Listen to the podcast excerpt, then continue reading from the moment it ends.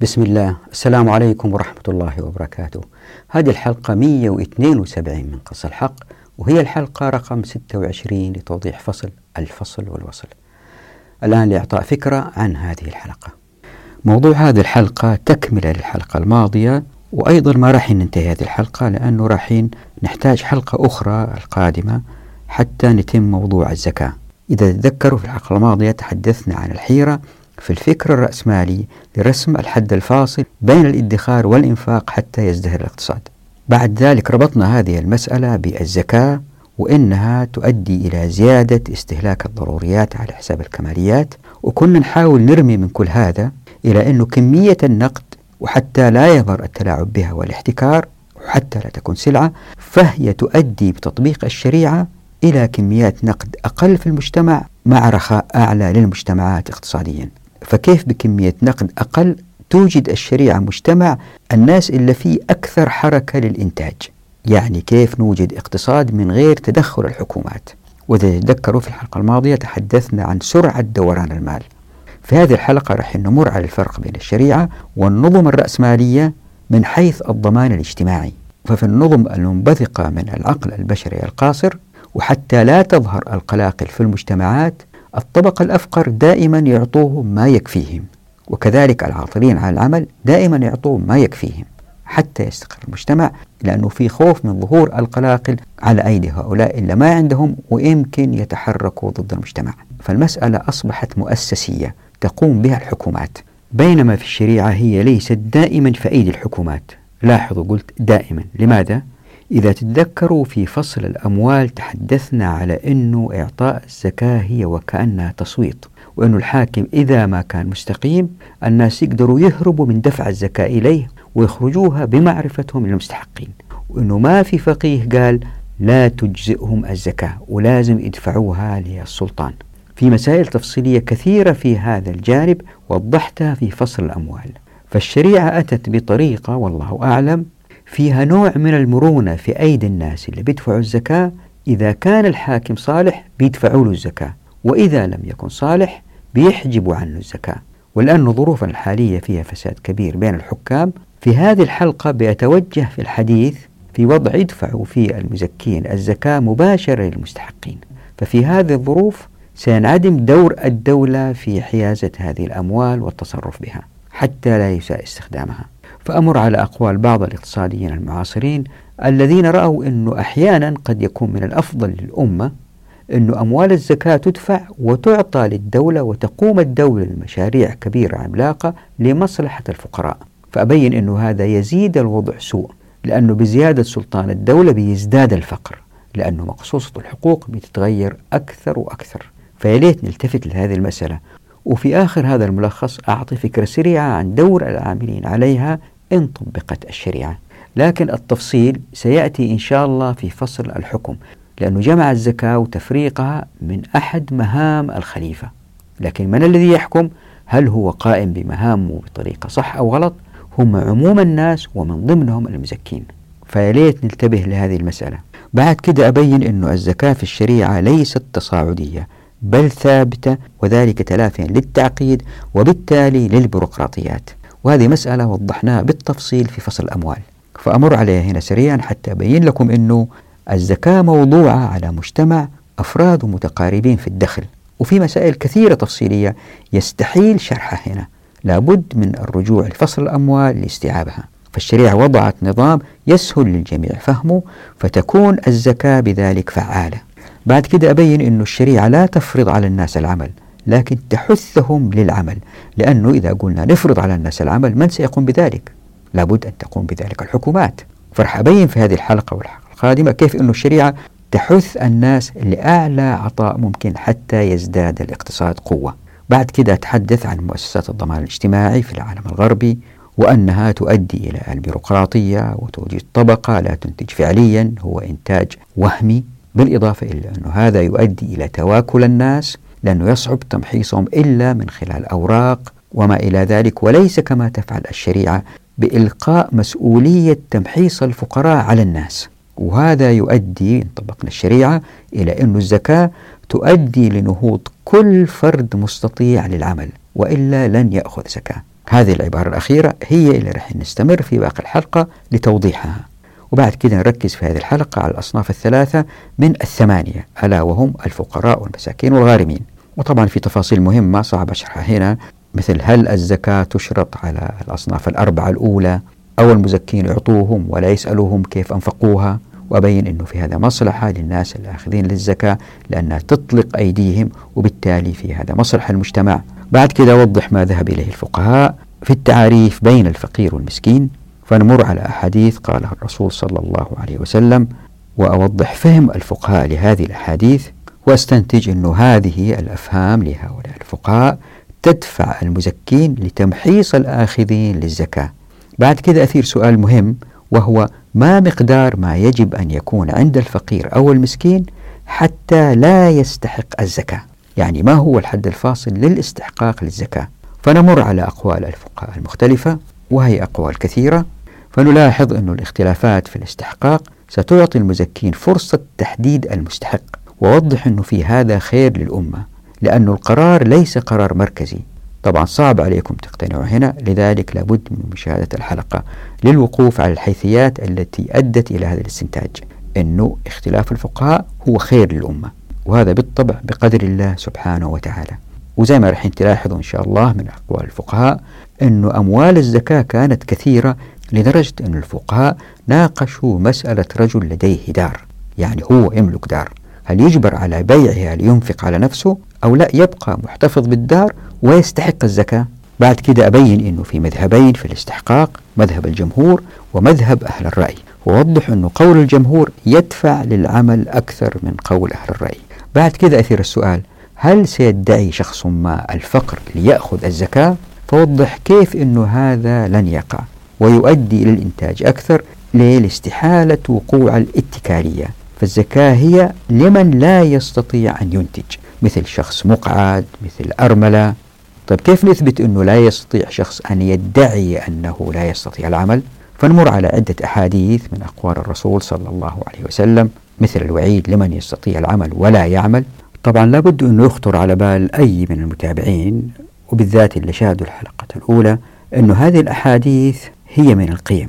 وأنه أنا وعدت في الحلقة الأولى أنه راح نركز في كتاب قص الحق على الحركيات وهذه مسائل حتمية وليست كالقيم اللي الأفراد يمكن عندهم نوع من الحرية يقوموا فيها أو لا.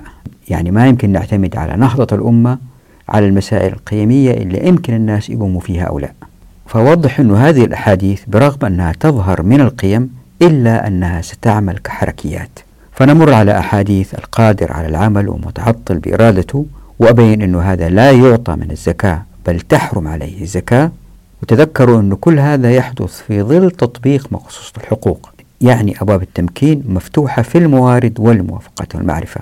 وبكذا يستطيع أي إنسان العمل للكسب والخروج من الحاجة للزكاة. بس في نفس الوقت في ناس لن يستطيعوا عمل أي شيء مثل واحد أخرق فالناس ما يثقوا فيه ويمكن ما يعطوا أي عمل. هو لوحده لا يستطيع القيام بأي عمل. هؤلاء لهم الزكاة. فنوضح مثل هذه المسائل. يعني الشريعة زي ما رح نشوف تدفع الناس للعمل لأقصى ما يستطيعونه من عطاء وذلك من خلال جعل القرار بدفع الزكاة لمن من المستحقين بجعل هذا القرار في أيدي المزكين واللي هم يعرفوا المحتاجين ودون حكومات.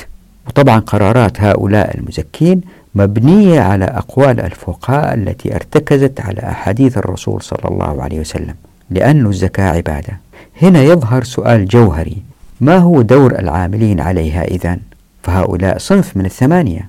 هذه المسألة تحدثنا عنها في فصل الأموال وقلنا أنه ما في أحد من الفقهاء قال أنه إذا شخص دفع الزكاة بنفسه مباشر المستحقين السبعة ولم يدفعها إلى العاملين عليها ما في فقيه قال أنه الزكاة لا تجزئ. طيب إيش دور العاملين عليها؟ مرينا عليها في فصل ابن السبيل أعتقد وفي فصل الأموال وراح إن شاء الله أوضحها في الحلقة القادمة. لأنها متصلة بموضوع الحلقة القادمة وحتى بعضكم يهدأ في هذه المسألة. أقول الآتي أن دور العاملين عليها أكبر هو في حال نقل الزكاة لمناطق أبعد ولأنه الشريعة فتحت أبواب التمكين في الموارد والموافقة والمعرفة ولأنه للناس الضرب في الأرض لاستخراج الخيرات لأن الخيرات هي لمن حازها هذه هي الشريعة. عندها عندما يبتعد الناس في مناطق بعيدة نحتاج العاملين عليها للنقل من مكان لآخر. لكن في منطقة سكانية فيها كثافة عالية والسكان جالسين مع بعض ستكون المسألة فيها نوع من البيروقراطية إذا الحكومات أخذت الأموال لإعادة توزيع الفقراء. لكن إن تركت هذه المسألة للناس ولا تنسوا أنه مع تطبيق الشريعة وضحتها سابقا الناس يسمو في قيمهم وبالتالي سيبحثوا لأنه الزكاة عبادة سيبحثوا عن المستحقين فعلا. وبكده يخف الفقر ويتحول هؤلاء الأفراد إلى أفراد منتجين. هذا من جهة. من جهة أخرى في ناس عايشين في مناطق بعيدة لأنه أماكن إنتاجهم بعيدة عن العامر أحيانا. مثل واحد سوى مزرعة في منطقة بعيدة. هذا بتريح الشريعة بترسل له العامل عليها حتى يأخذ الزكاة ويوصلها للي يستحقوا ومن جهة ثالثة يمكن يكون في فائض من الزكاة في منطقة سكانية كثافتها عالية. هنا في دور للعاملين عليها في, في أخذ هذه الأموال ونقلها إلى المناطق الأقرب فالأقرب وهذه مسألة تحدثنا عنها في فصل الأموال وابن السبيل الأقرب فالأقرب.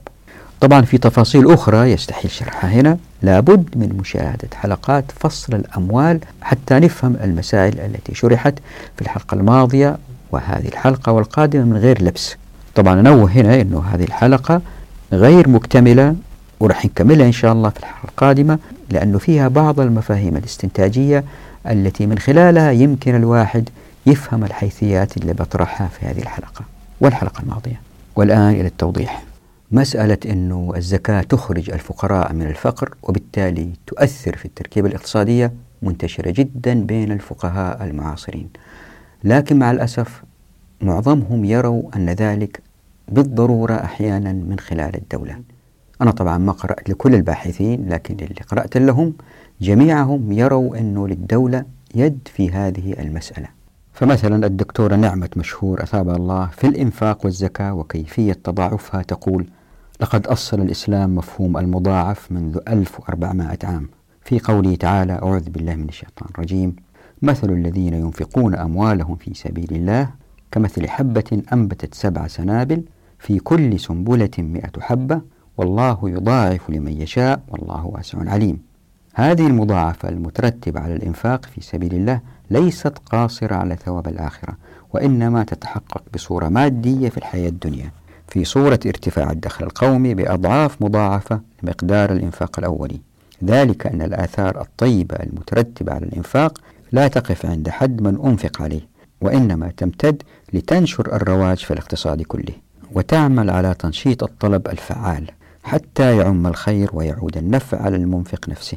فقد قال الحق تعالى أعوذ بالله من الشيطان الرجيم. وما تنفقوا من خير يوفى إليكم وأنتم لا تظلمون. وهذا المضاعف هو ضابط لا يخطئ. وقانون صارم يحكم الخلق في كل عصر. وسمة من سمات الخلق الذي تحكمه الدائرية الأزلية في شتى مجالات الحياة. وهو كغيره من ضوابط الاقتصاد الإسلامي وقوانينه. له صلة مباشرة بنشاط الفرد من أجل ذاته ومن أجل مجتمعه. لاحظوا سمو الكلام هنا والفهم في هذه المسائل لكن ما أعرف معظم الباحثين لم يتمكنوا من التخلص من إقحام الدولة في إيجاد اقتصاد إسلامي. فنفس الباحثة مثلا تقول وأخيرا نجد أن قيام الدولة بالاستثمار المباشر كأحد مصارف الزكاة يكون له أثره في رفع مستويات التشغيل والاستهلاك والارتفاع بمستوى النشاط الاقتصادي بما يعوض أي تراخ قد يحدث من جانب المستثمرين الأفراد ويشيع جو من الإنفاق الذي أحدثه. يعني تلاحظوا هنا بوضوح أنه في قناعة أن الدولة يمكن أن تقوم ببعض الأعمال باستخدام أموال الزكاة حتى ينتعش الاقتصاد. وهذه زي ما وضحنا في حلقة ماضية وأكدنا عليها لن يقع. إن وقع الجيل جيلين فهو بذرة فساد يؤدي إلى تغير الأمور. لذلك الشريعة حرصت ألا تبقى في أيدي السلطات أموال. هذه مسألة كل ما أتت فرصة ركز عليها وعيدها وأنا متأكد الناس اللي بيشاهدوا الحلقات يمكن يكونوا ملوا منها لكن معلش تحملوا لأنه في بعض المشاهدين بيشوفوا بعض الحلقات وما يشوفوا حلقات أخرى. لذلك أعيد وأكرر بعض النقاط المهمة اللي يمكن تسحبهم لمشاهدة الحلقات السابقة.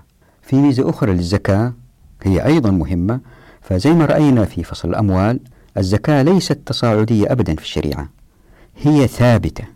فهي ليست مثل الأنظمة الوضعية. والسبب والله أعلم هو أنه إن طبقت الشريعة والناس تقاربوا في الدخل فإن الأمة بحاجة لنظام سهل الفهم والتطبيق وبالتالي يسهل على الناس إخراج الزكاة لأن الكل فاهم المسألة. لأن الكل فاهم المقادير والمواعيد وما إلى ذلك. وما ننسى أن الناس بيخرجوا زكاتهم بأنفسهم. أما في المجتمعات الرأسمالية ذات الضرائب المتصاعدة قد يفلت الأثرياء من دفع الضرائب. ويقع فيها الأقل ربحا زي ما مر بنا سابقا. يعني وكأن الاقتصاد عربية واقفة سيارة واقفة. إذا تحركت بعض الشيء ببذل القليل من المال للفقراء بدفع الزكاة سينهض هؤلاء الفقراء وتبدأ العربة في السير. وكلما سارت انحسر الفقر بزيادة الزكاة وكل ما ازدادت العربة في سرعة سيرها ازدادت أموال الزكاة. وبكده ينهض المجتمع. خلينا نوضح كيف. زي ما أنتم عارفين أن المجتمع المسلم يحاول قدر المستطاع أن يدفع الناس للعمل وذلك بوضعهم في مواضع تضطرهم للنهوض دون فرض العمل عليهم. انتبهوا لهذه.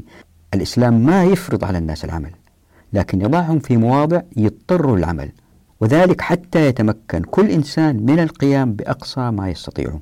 كيف؟ الناس زي ما هو معروف أطياف مختلفة في أخلاقهم وهممهم ومهاراتهم وقواهم. هذا نشط ذكي لبق وذاك كسول غبي فظ برغم تساوي الاثنين في المقدرات البدنية. وهذا يمكن قوي ما له همة وذاك ضعيف في بدنه وعالي في همته. فالناس زي ما هو معروف مختلفين جدا. فكيف يمكن للشريعة أن تقص الحقوق حتى تدفع هؤلاء المتباينين من البشر للنهوض للعمل؟ زي ما أنتم عارفين أنه في الدول الصناعية الثرية الناس اللي هم بيشتغلوا وبعدين فصلوا ولم يجدوا عمل لهم من مؤسسات الضمان الاجتماعي مبالغ شهرية تعينهم على سد الجوع. يعني القرارات لما يعطى من مال وكيف سيعطى لهؤلاء العاطلين هو بيد الدولة. فإذا ما كان العاطل عن العمل جاد في البحث عن عمل راح تحاول الدولة بما لديها من قنوات ومعلومات أنها توجد له عمل وقد تنجح في ذلك وقد تفشل. لكن في جميع الأحوال الدولة متكفلة بالعاطل عن العمل بطريقة أو بأخرى.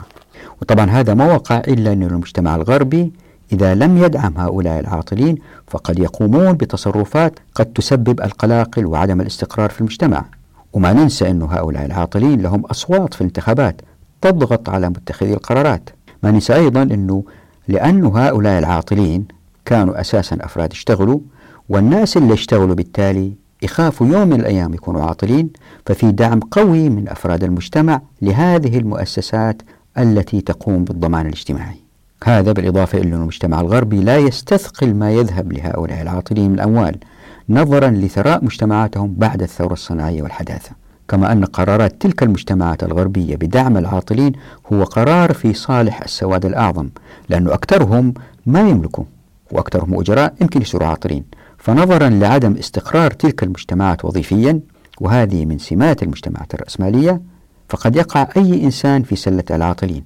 لذلك نجد أن معظم طبقة المجتمع الغربي تتقبل فكرة الضمان الاجتماعي من قبيل الخوف على الذات وطبعا في هذا هدر كبير للموارد.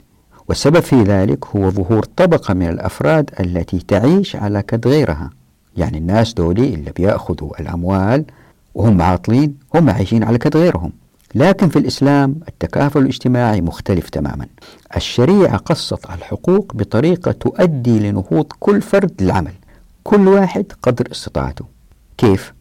طبعا زي ما أنتم كلكم عارفين إنه الزكاة واجبة. لذلك هي من الحركيات وليست من القيم مثل النفقات التطوعية. والنفقات التطوعية سيأتي بيانها إن شاء الله والتي هي من القيم والتي يحث الإسلام عليها أيضا. فالزكاة زي ما أنتم عارفين هي واجبة وهي الركن الثالث في الإسلام كما في قوله تعالى في سورة المؤمنون أعوذ بالله من الشيطان الرجيم والذين هم للزكاة فاعلون نلاحظ هنا في هذه الآية أنه سبحانه وتعالى لم يقل مؤدون بل قال فاعلون إشارة إلى أن المؤمن ليرتقي بإيمانه عليه أن يفعل الزكاة. وفعل الزكاة لا يقع إلا بعد الكسب يعني على المؤمن أن يعمل ليكسب ليدفع الزكاة. يعني ما يشتغل لما فيه كفايته فقط. اشتغل أكثر حتى يكون عنده فائض مالي حتى يخرج الزكاة. يعني حتى يرتقي المؤمن في مراتب الإيمان فعليه أن يزكي وبالتالي فعليه أن يعمل ليكسب أكثر مما يستهلك. والشريعة زي ما أنتم عارفين قصت الزكاة لثمانية أصناف فقط. قال تعالى في المستحقين للزكاة في سورة التوبة أعوذ بالله من الشيطان الرجيم. إنما الصدقات للفقراء والمساكين والعاملين عليها والمؤلفة قلوبهم وفي الرقاب والغارمين وفي سبيل الله وابن السبيل فريضة من الله والله عليم حكيم. وفي فصل الأموال إذا تتذكروا تحدثنا عن مبادئ الزكاة عموما.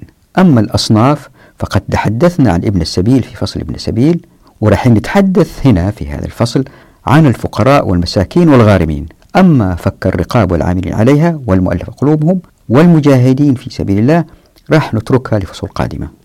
لأن هذا موضوع مهم. إن ناقشناه كله مع بعض يصعب تدبر الوضع. لكن إذا فصصناها وكل واحد من الأصناف الثمانية ناقشناه في مكانه سيكون الفهم أوعى لقوة تأثير الزكاة في تغيير المجتمع. يمكن أول ملحوظة هي أن لام التمليك دخلت على الأصناف الأربعة الأولى فهي مال لهم ليفعلوا به ما شاءوا. أما الأربعة الثانيين فإن المال المعطى هو لهدف محدد. وفي هذا يقول القرضاوي يذهب الله وكذلك ذكر الفخر الرازي أنه تعالى أثبت الصدقات للأصناف الأربعة الأوائل بلام التمليك وهو قوله للفقراء والمساكين ولما ذكر الرقاب أبدل حرف اللام بحرف في فقال وفي الرقاب فلا بد لهذا الفرق من فائدة وتلك الفائدة هي أن تلك الأصناف الأربعة المتقدمة يدفع إليهم نصيبهم من الصدقات حتى يتصرفوا فيها كما شاءوا. وأما في الرقاب فيوضع نصيبهم في تخليص رقبتهم من الرق ولا يدفع إليهم ولا يمكنون من التصرف في ذلك النصيب كيف شاءوا بل يوضع في الرقاب بأن يؤدى عنهم وكذلك القول في الغارمين بصرف المال في قضاء ديونهم وفي الغزاة يصرف المال إلى ما يحتاجون إليه في الغزو وابن السبيل كذلك والحاصل أن الأصناف الأربعة الأولى يصرف المال إليهم حتى يتصرفوا فيه كما شاءوا. وفي الأربعة الأخيرة لا يصرف المال إليهم بل يصرف إلى جهات الحاجات المعتبرة في الصفات التي لأجلها أستحق الزكاة. الواحد فقط إذا يدبر الزكاة يعرف كيف الشريعة فيها حكم عجيبة. فدفع المال إلى الأصناف الأربعة الأولى تمكين لهم كبير فالشريعة بتستثمر الثقة فيهم وذلك بدفع المال إليهم دون أي شروط. من جهة ثانية إذا في شروط وضعت فالشروط هذه بالتأكيد يكون لها سلبيات. لا يمكن حصرها مثل إيجاد نظام للشروط وطريقة الصرف والتأكد من اتباع الشروط. وكل هذا يؤدي إلى إيجاد هيكل حكومي بيروقراطي. هذا إذا كان الدفع من الدولة. وإذا كان الدفع من الناس المسألة تحتاج لنوع من التجسس على هؤلاء اللي يأخذوا النقود فليش هذه الغلبة كلها؟ هم محتاجين هم يأخذوها هم يصرفوها. وبالنسبة للغارمين وفك الرقاب فلأن الزكاة بتدفع لهدف محدد يمكن إعطاها مباشرة من المزكي إلى مالك العبد أو إلى المقرض وبالنسبة للجهاد في سبيل الله فإن الأهم هو تجهيز الغازي بشراء مستلزماته ودفع بعض النقد له لرحلة الغزو. وبالنسبة لابن السبيل زي ما مر بنا سابقا في فصل ابن السبيل فإنه يجهز بدفع نفقات السفر مع بعض النقد لتغطية نفقات الرحلة من مأكل ومشرب. وفي أقوال أن هؤلاء الأربعة الذين يعطون الزكاة لهدف عليهم إعادة ما فضل من الصدقة إن تم اللازم. طيب إيش الفرق بين الفقير والمسكين؟ الإجابة هي والله أعلم أنه ما في فرق من حيث الاستحقاق للزكاة برغم اختلاف الفقهاء وعلماء اللغة في الفرق بينهما على تسعة أقوال. هذه كما جمعها القرطبي من حيث التعريف والحاجة والفاقة. فمن هذه الفروق مثلا هو أن الفقير أحسن حالة من المسكين ومنها العكس يعني المسكين أحسن حال من الفقير.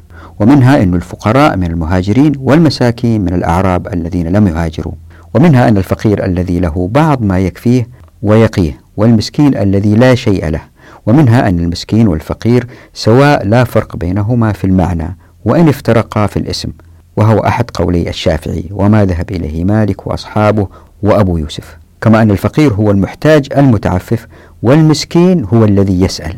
ومنها أن الفقير هو الذي له المسكن والخادم إلى ما هو أسفل من ذلك والمسكين الذي لا مال له ومنها أن المسكين الذي يخشع ويستكن وإن لم يسأل والفقير الذي يتحمل ويقبل الشيء سرا ولا يخشع ومنها أن الفقراء فقراء المسلمين والمساكين فقراء أهل الكتاب.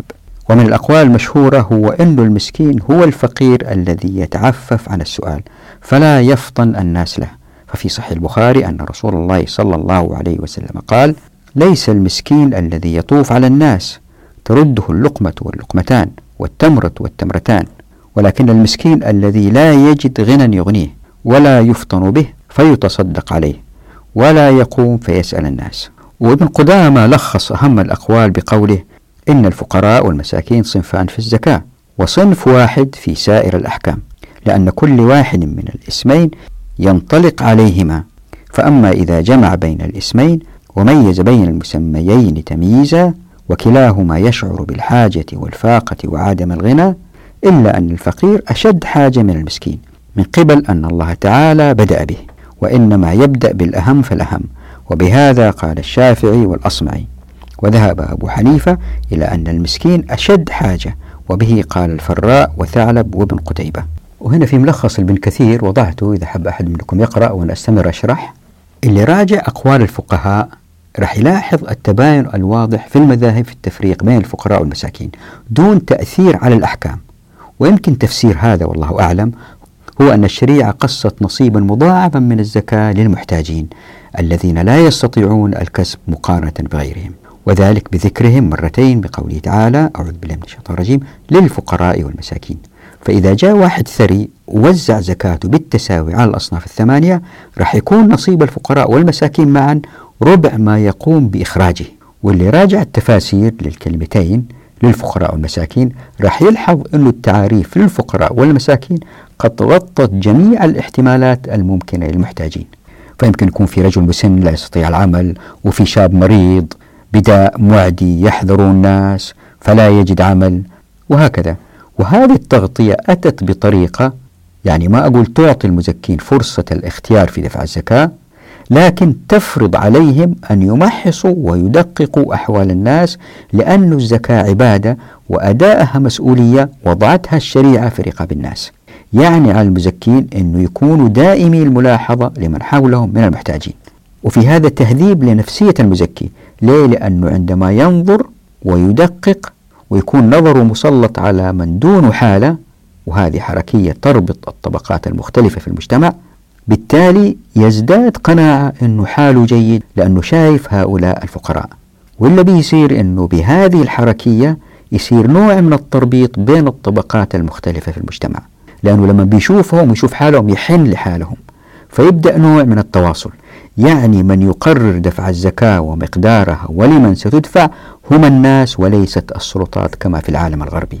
وهذه بركة أي زيادة للإنتاجية.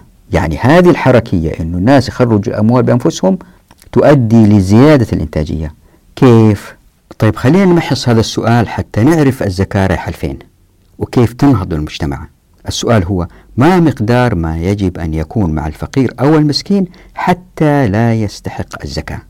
الفقهاء انقسموا في هذه المسألة في الحد الفاصل بين الاستحقاق للزكاة ولخصها ابن قدامة رضي الله عنه بأن قال ومن كان ذا مكسب يغني به نفسه وعياله إن كان له عيال وكان له قدر كفايته في كل يوم من أجر عقار أو غلة مملوك أو سائمة فهو غني ولا حق له في الزكاة. وبهذا قال ابن عمر والشافعي وإسحاق. وقال أبو حنيفة إن لم يملك نصابا فله الأخذ منها لقول النبي صلى الله عليه وسلم أعلمهم أن عليهم صدقة تؤخذ من أغنيائهم فترد على فقرائهم. فجعل الغنى من تؤخذ منه الصدقة ولا تؤخذ إلا من النصاب. ولأن هذا لا يملك نصابا ولا قيمته فجاز له الأخذ كالذي لا كفاية له. وفي قول يقول بأنه إلا يملك وجبة أكل لأهله فليس له أن يأخذ من الزكاة. ففي الأموال عن كبش السلولي قال حدثني سهل بن الحنظليلة قال قال رسول الله صلى الله عليه وسلم من سأل الناس عن ظهر غنى فإنه ليستكثر من جهنم. قلت يا رسول الله وما ظهر الغنى؟ قال أن تعلم أن عند أهلك ما يغديهم أو يعشيهم. وفي قول مربوط بمقدار النقد اللي عند الإنسان. فعن سعد بن أبي وقاص أنهم قالوا لا تحل الصدقة لمن له خمسون درهما أو عدلها من الذهب. ويلخص أبو عبيد الاختلافات في الغنى فيقول أرى الأحاديث قد جاءت في الفصل بين الغنى والفقر بأوقات مختلفة. لاحظوا أن المقصود بأوقات مختلفة هو مقدار ما مع الإنسان من مال وعيان وليس التوقيت بالزمن. نكمل. ففي بعضها أنه السداد أو القوام من العيش وفي آخر أنه مبلغ خمسين درهما. وفي الثالثة أنه الأوقية وفي الرابع أنه الغداء أو العشاء. وكل هذه الأقوال قد ذهب إليها قوم وأخذوا بها. ممكن أنكم ملاحظين أن الخط الفاصل بين الفقر والغنى آه، مطاط نوعا ما ويختلف من فقيه لآخر وهذا خير الأمة فهذه الاختلافات إذا لاحظت تغطي جميع الاحتمالات الممكنة والسبب هو أن الناس عندما يتفاوتوا في مقدار كسبهم ونفقاتهم وبالتالي يختلفوا في مكاناتهم الاجتماعية. وهذا الاختلاف طبعا بقدر هممهم فمنهم من تمكن وادخر بعض ما جمعوا في حياته في استثمار يدور عليه دخل في كبره شراء منزل مثلا ومنهم من لم يفعل ذلك. ويمكن على كبر تزوج وجوله أطفال ومو قادر يشتغل ولا قادر يعينهم وتطلبوا مستوى من النفقات. يصعب عليه أنه يقوم فيها حتى إذا كان عنده دار. ومنهم من هو شاب ولا دار له. لكن عنده القوة اللي تعينه على العمل بس يحتاج شوية أدوات حتى يبدأ يعني لكل شخص حاجة مستحقة ليعيش كريم. وهذه الحاجة المستحقة تختلف من شخص لآخر ولم يستطيع أحد معرفة هذه الاختلافات إلا السكان المحيطين والمخالطين للفقراء والمساكين. طبعا بالتأكيد اللي شافوا الحلقة الماضية منكم راح يستنتجوا يقولوا أنه جميل راح يقول الآن أهو الدولة لن تستطيع فعل ذلك. نعم هذه كررتها مرارا أنه الدولة لن تستطيع القيام بمعرفة الفقراء والمساكين والتمييز بينهم كما يفعل السكان إذا كانوا ساكنين في نفس المنطقة مع الفقراء.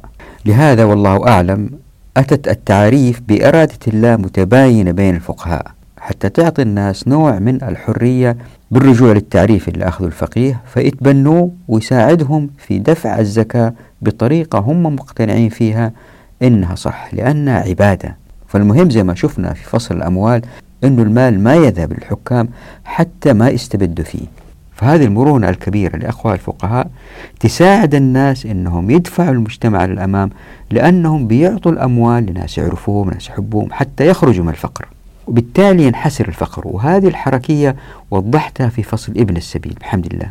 فإذا كان القرار بدفع الزكاة في يد السكان المزكين واللي هم بطبيعتهم قريبين من الفقراء والمساكين راح يكون الحكم عن قرب ودراية لأن الزكاة زي ما قلت عبادة.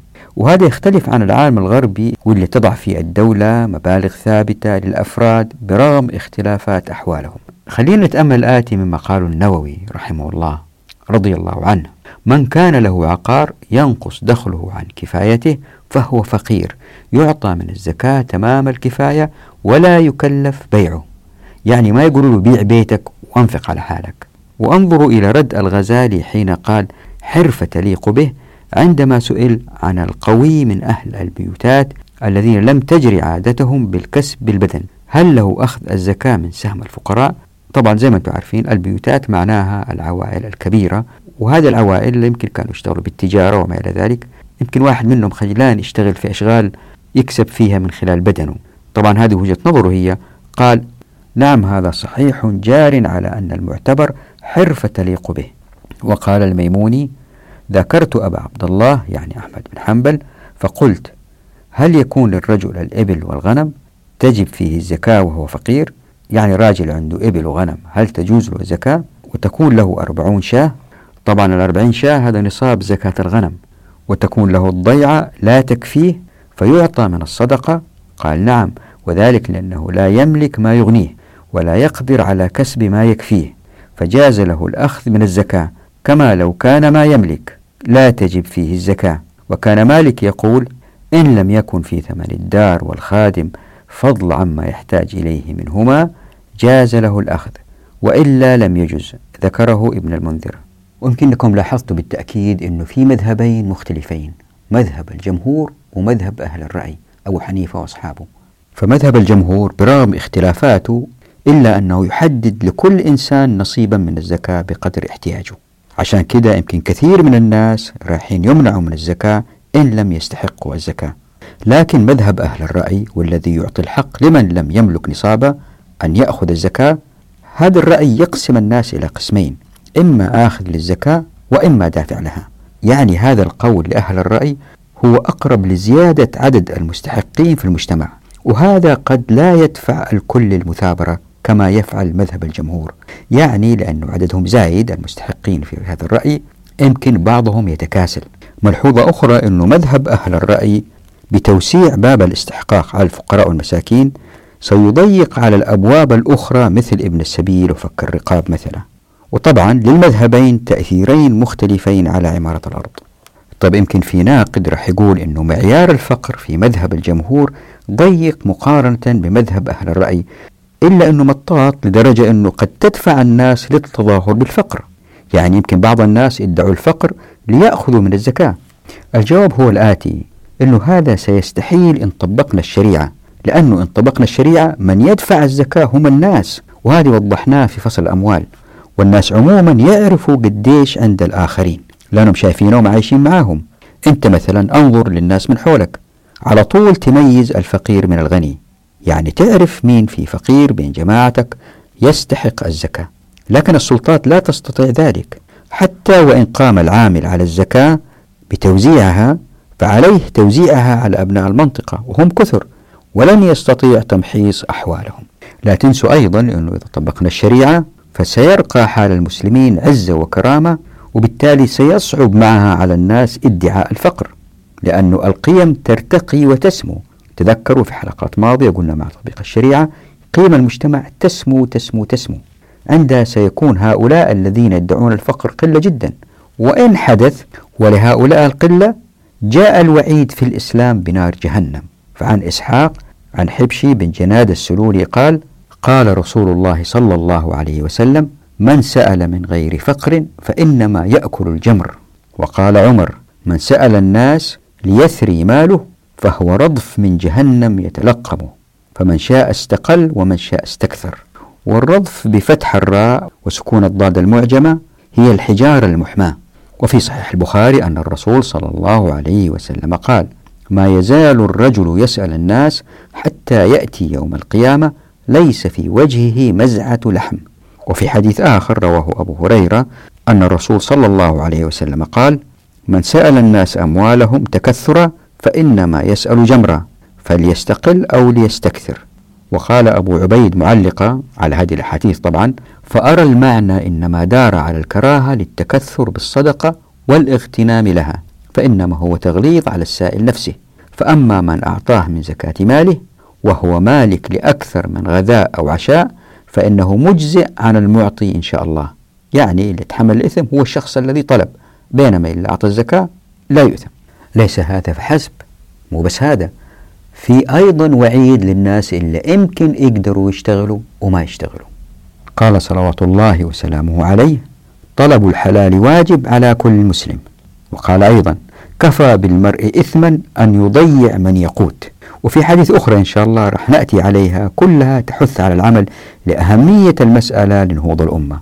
تأتي في وقتها إن شاء الله. طيب يمكن واحد يقول لكن في بعض الناس خبثاء. وما راح ينفع معهم الوعيد ولا التهديد وراح يتظاهروا بالفقر لأخذ الزكاة. وأنه نظرتنا للمجتمع يجب أن لا تبنى على أسس الوعيد والتهديد بعذاب الآخرة لدفع الناس العمل. يعني هذا ما هو منطق يا جميل أنه شوف الأحاديث هذه تخوف الناس وتدفعهم العمل طالما أنه في زكاة جاية ما راح يشتغلوا. فهذا الوعيد ما راح يثمر إلا مع المتقين وهذا من القيم. وانت قلت يا جميل في الحلقات الأولى أنه راح نركز على الحركيات. الجواب هو الآتي. هذا القول صحيح إذا فكرنا في إطارنا الحالي من هذه المجتمعات الرأسمالية اللي أنبتت بشر تلوثت سلوكياتهم. ومع تطبيق الشريعة هذا لن يحدث زي ما رح نبين إن شاء الله في فصل المدينة بإذن الله. وبالذات مع الكبار في السن لأنهم قد تشكلوا على الصدق خلال حياتهم العملية إن طبقنا الشريعة. وهؤلاء يمكن يكونوا فقراء لعدم ادخارهم لما يعينهم في كبرهم. لذلك يستحقون الزكاة. فهذا أقصى ما يرجى منهم. لكن ادعاء الفقر قد يقع ممن هم أحدث سنة. إن استثنينا أصحاب النفوس العزيزة. فلماذا يسعى الإنسان القادر على العمل بحثا عن الرزق إذا كان ادعاء الفقر أسهل طريق الكفاف؟ هنا أتت الشريعة بوضع صمامات لتلافي حدوث هذا. لقد منعت الشريعة الزكاة عن الكسول القادر على العمل. كيف؟ اتفق جمهور الفقهاء على أن القادر على العمل والمتعطل بإرادته لا يعطى الزكاة بل تحرم عليه. فقد قال الشافعي وأبو ثور من كان قويا على الكسب والتحرف مع قوة البدن وحسن التصرف حتى يغنيه ذلك عن الناس فالصدقة عليه حرام واحتج بحديث النبي صلى الله عليه وسلم لا تحل الصدقة لغني ولا لذي مرة سوي. وهذا الحديث رواه أبو داود والترمذي والدار قطني وفي حديث آخر فقد قال صلى الله عليه وسلم لا تحل الصدقة لغني ولا لقوي متكسب أو مكتسب. ومن هذه الأحاديث يستنتج معظم الفقهاء أن الصدقة لا تحل للمستطيع العمل. وقال الشوكاني موضحا قال الجوهري المرة القوة وشدة العقل ورجل مرير أي قوي ذو مرة. وقال غيره المرة القوة على الكسب والعمل. وقوله سوي أي مستوي الخلق. قال الجوهري والمراد استواء الأعضاء وسلامتها. ولاحظوا أنه برغم أنه الإمام أحمد رضي الله عنه وارضاه له رأي في الحديث هذا السابق لكنه يذهب لنفس المذهب. فقد قال في الحديث لا أعلم فيه شيئا يصح. قيل له يرويه سالم بن أبي الجعد عن أبي هريرة عن النبي صلى الله عليه وسلم. قال سالم لم يسمع من أبي هريرة والغنى يختلف فمنه غنى يوجب الزكاة وغنى يمنع أخذها وغنى يمنع المسألة ويخالف ما قاسوا عليه هذا فإنه محتاج إليها والصدقة أوساخ الناس فلا تباح إلا عند الحاجة إليها وهذا المختلف فيه لا حاجة به إليها فلا تباح له. ويقول أبو عبيد مستنتجا من الحديث وقد وجدنا على مستحل الصدقة شرطا آخر من رسول الله صلى الله عليه وسلم سوى الغناء وهو قوله لا تحل لغني ولا لقوي مكتسب ولا لذي مرة سوي وهو القوي أيضا. وفي حديث آخر يعتبر أصل في هذه المسألة فعن عبيد الله بن عدي الخيار قال أخبرني رجلان أنهما أتيا النبي صلى الله عليه وسلم في حجة الوداع وهو يقسم الصدقة فسألاه منها. فرفع فينا البصر وخفضه فرآنا جلدين فقال إن شئتما أعطيتكما ولا حظ فيها لغني ولا لقوي ومكتسب. وقال القرطي مستنتجا من هذا الحديث ولأنه قد صار غنيا بكسبه كغنى غيره بماله فصار كل واحد منهما غنيا عن المسألة. وقال الإمام أحمد في الحديث ما أجوده من حديث ما أعلم روي في هذا أجود من هذا. لكن البديهي أن القوة البدنية هي ليست كل شيء. يعني يمكن هذا القوي يكون جاهل. أينما يوجهوه لا يأتي بخير. بالطبع لهؤلاء وضع مختلف. فيقول الشوكاني مثلا معلقا على الحديثين وإطلاق قرة هنا وهي القوة مقيد بالحديث الذي بعده أعني قوله ولا لقوي مكتسب. فيؤخذ من الحديثين أن مجرد القوة لا يقتضي عدم الاستحقاق إلا إذا قرن بها الكسب. وقال الخطابي في الحديث الثاني هذا الحديث أصل في أن من لم يعلم له مال فأمره محمول على العدم وفيه دليل على أنه لم يعتبر في أمر الزكاة ظاهر القوة والجلد دون أن يضم إليه الكسب فقد يكون من الناس من يرجع إلى قوة بدنه ويكون مع ذلك أخرق اليد لا يعتمل فمن كان هذا سبيله لم يمنع من الصدقة بدلالة الحديث ومعنى أخرق اليد لا يعتمل أي لا يحسن أداء ما يناط إليه من عمل. لذلك فقد لا يأمنه الناس على أعمالهم فلا يجد بالتالي ما يعيش به. يعني دائما في أي مجتمع إلا في استثناءات. فهؤلاء إلا ما عندهم قوة أبدا أو الأغبياء إذا الواحد شغلهم يخربوا الشغلة ما في داعي المجتمع يدفعهم للعمل وهم رايحين يخربوا. لذلك كان مذهب الجمهور زي ما رأينا أنه هؤلاء يعطون من الزكاة قدر ما يغطي حاجتهم. وبهذا فهم يدفعون لأقصى ما يستطيعون أداءه. يعني الأفراد في المجتمع يدفعوا لأقصى عطاء. ما يقدروا خلاص يأخذ من الزكاة. فيقول أبو عبيد فأراه صلى الله عليه وسلم قد سوى بينهما أي بين الغني والقوي في تحريم الصدقة عليهما وجعل الغنى والقوة على الاكتساب عدلين. عدلين بفتح العين أي مثلين يقال فلان لا عدل له أي لا نظير له. ويجوز الكسر بمعنى متساويين. نعود لقول أبو عبيد وجعل الغنى والقوة على الاكتساب عدلين وإن لم يكن القوي ذي مال. فهما الآن سيان. إلا أن يكون هذا القوي مجدودا عن الرزق محارفا. والمحارف بفتح الراء هو المحروم المجدود. إذا طلب لا يرزق أو يكون لا يسعى في الكسب.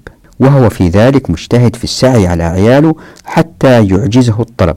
فإذا كانت هذه حاله فإن له حينئذ حقا في أموال المسلمين. لقول الله تبارك وتعالى أعوذ بالله من الشيطان الرجيم. وفي أموالهم حق للسائل والمحروم. يمكن قول ابن قدامة اللي رح نقرأه الآن توضيح لمسألة دفع الناس لأقصى ما يستطيعونه. يعني الشريعة تحاول تدفع الناس لأقصى مدى يمكن يشتغلوا فيه عندما تنقطع السبل يأخذ الزكاة. لاحظوا عندما نقرأ قول ابن قدامة معنى عبارة ويقع موقعا من كفايته. يقول رحمه الله مستنتجا فالفقير الذي لا يقدر على كسب ما يقع موقعا من كفايته ولا له من الأجرة أو من المال الدائم ما يقع موقعا من كفايته ولا له خمسون درهما ولا قيمتها من الذهب مثل الزمني المكافيف يعني الكبار في السن ولا ما يشوفوا وهم العميان سموا بذلك لكف أبصارهم. لأن هؤلاء في الغالب لا يقدرون على اكتساب ما يقع موقعا من كفايتهم. وربما لا يقدرون على شيء أصلا. قال تعالى أعوذ بالله من الشيطان الرجيم. للفقراء الذين أحصروا في سبيل الله لا يستطيعون ضربا في الأرض. يحسبهم الجاهل أغنياء من التعفف. تعرفهم بسيماهم. لا يسألون الناس إلحافا. ومعنى قولهم يقع موقعا من كفايتهم أنه يحصل به معظم الكفاية أو نصف الكفاية مثل من يكفيه عشرة فيحصل له من مكسبه أو غيره خمسة فما زاد. والذي لا يحصل له إلا ما لا يقع موقعا من كفايته كالذي لا يحصل له إلا ثلاثة أو دونها فهذا هو الفقير. والأول هو المسكين فيعطى كل واحد منهما ما يتم به كفايته وتسند به حاجته لأن المقصود دفعها وإغناء صاحبها ولا يحصل إلا بذلك. المعذرة يجب أن نقف هنا لأنه إذا استمرينا لمحاولة إتمام موضوع الزكاة هذه الحلقة يمكن تصل إلى ساعتين. فالحلقة الماضية وهذه والقادمة الثلاث الحلقات كلها موضوع واحد الزكاة. ولأن الحلقة القادمة فيها بعض المواضيع الاستنتاجية المهمة كان يجب عليه التوقف الآن. نراكم على خير في أمان الله ودعواتكم.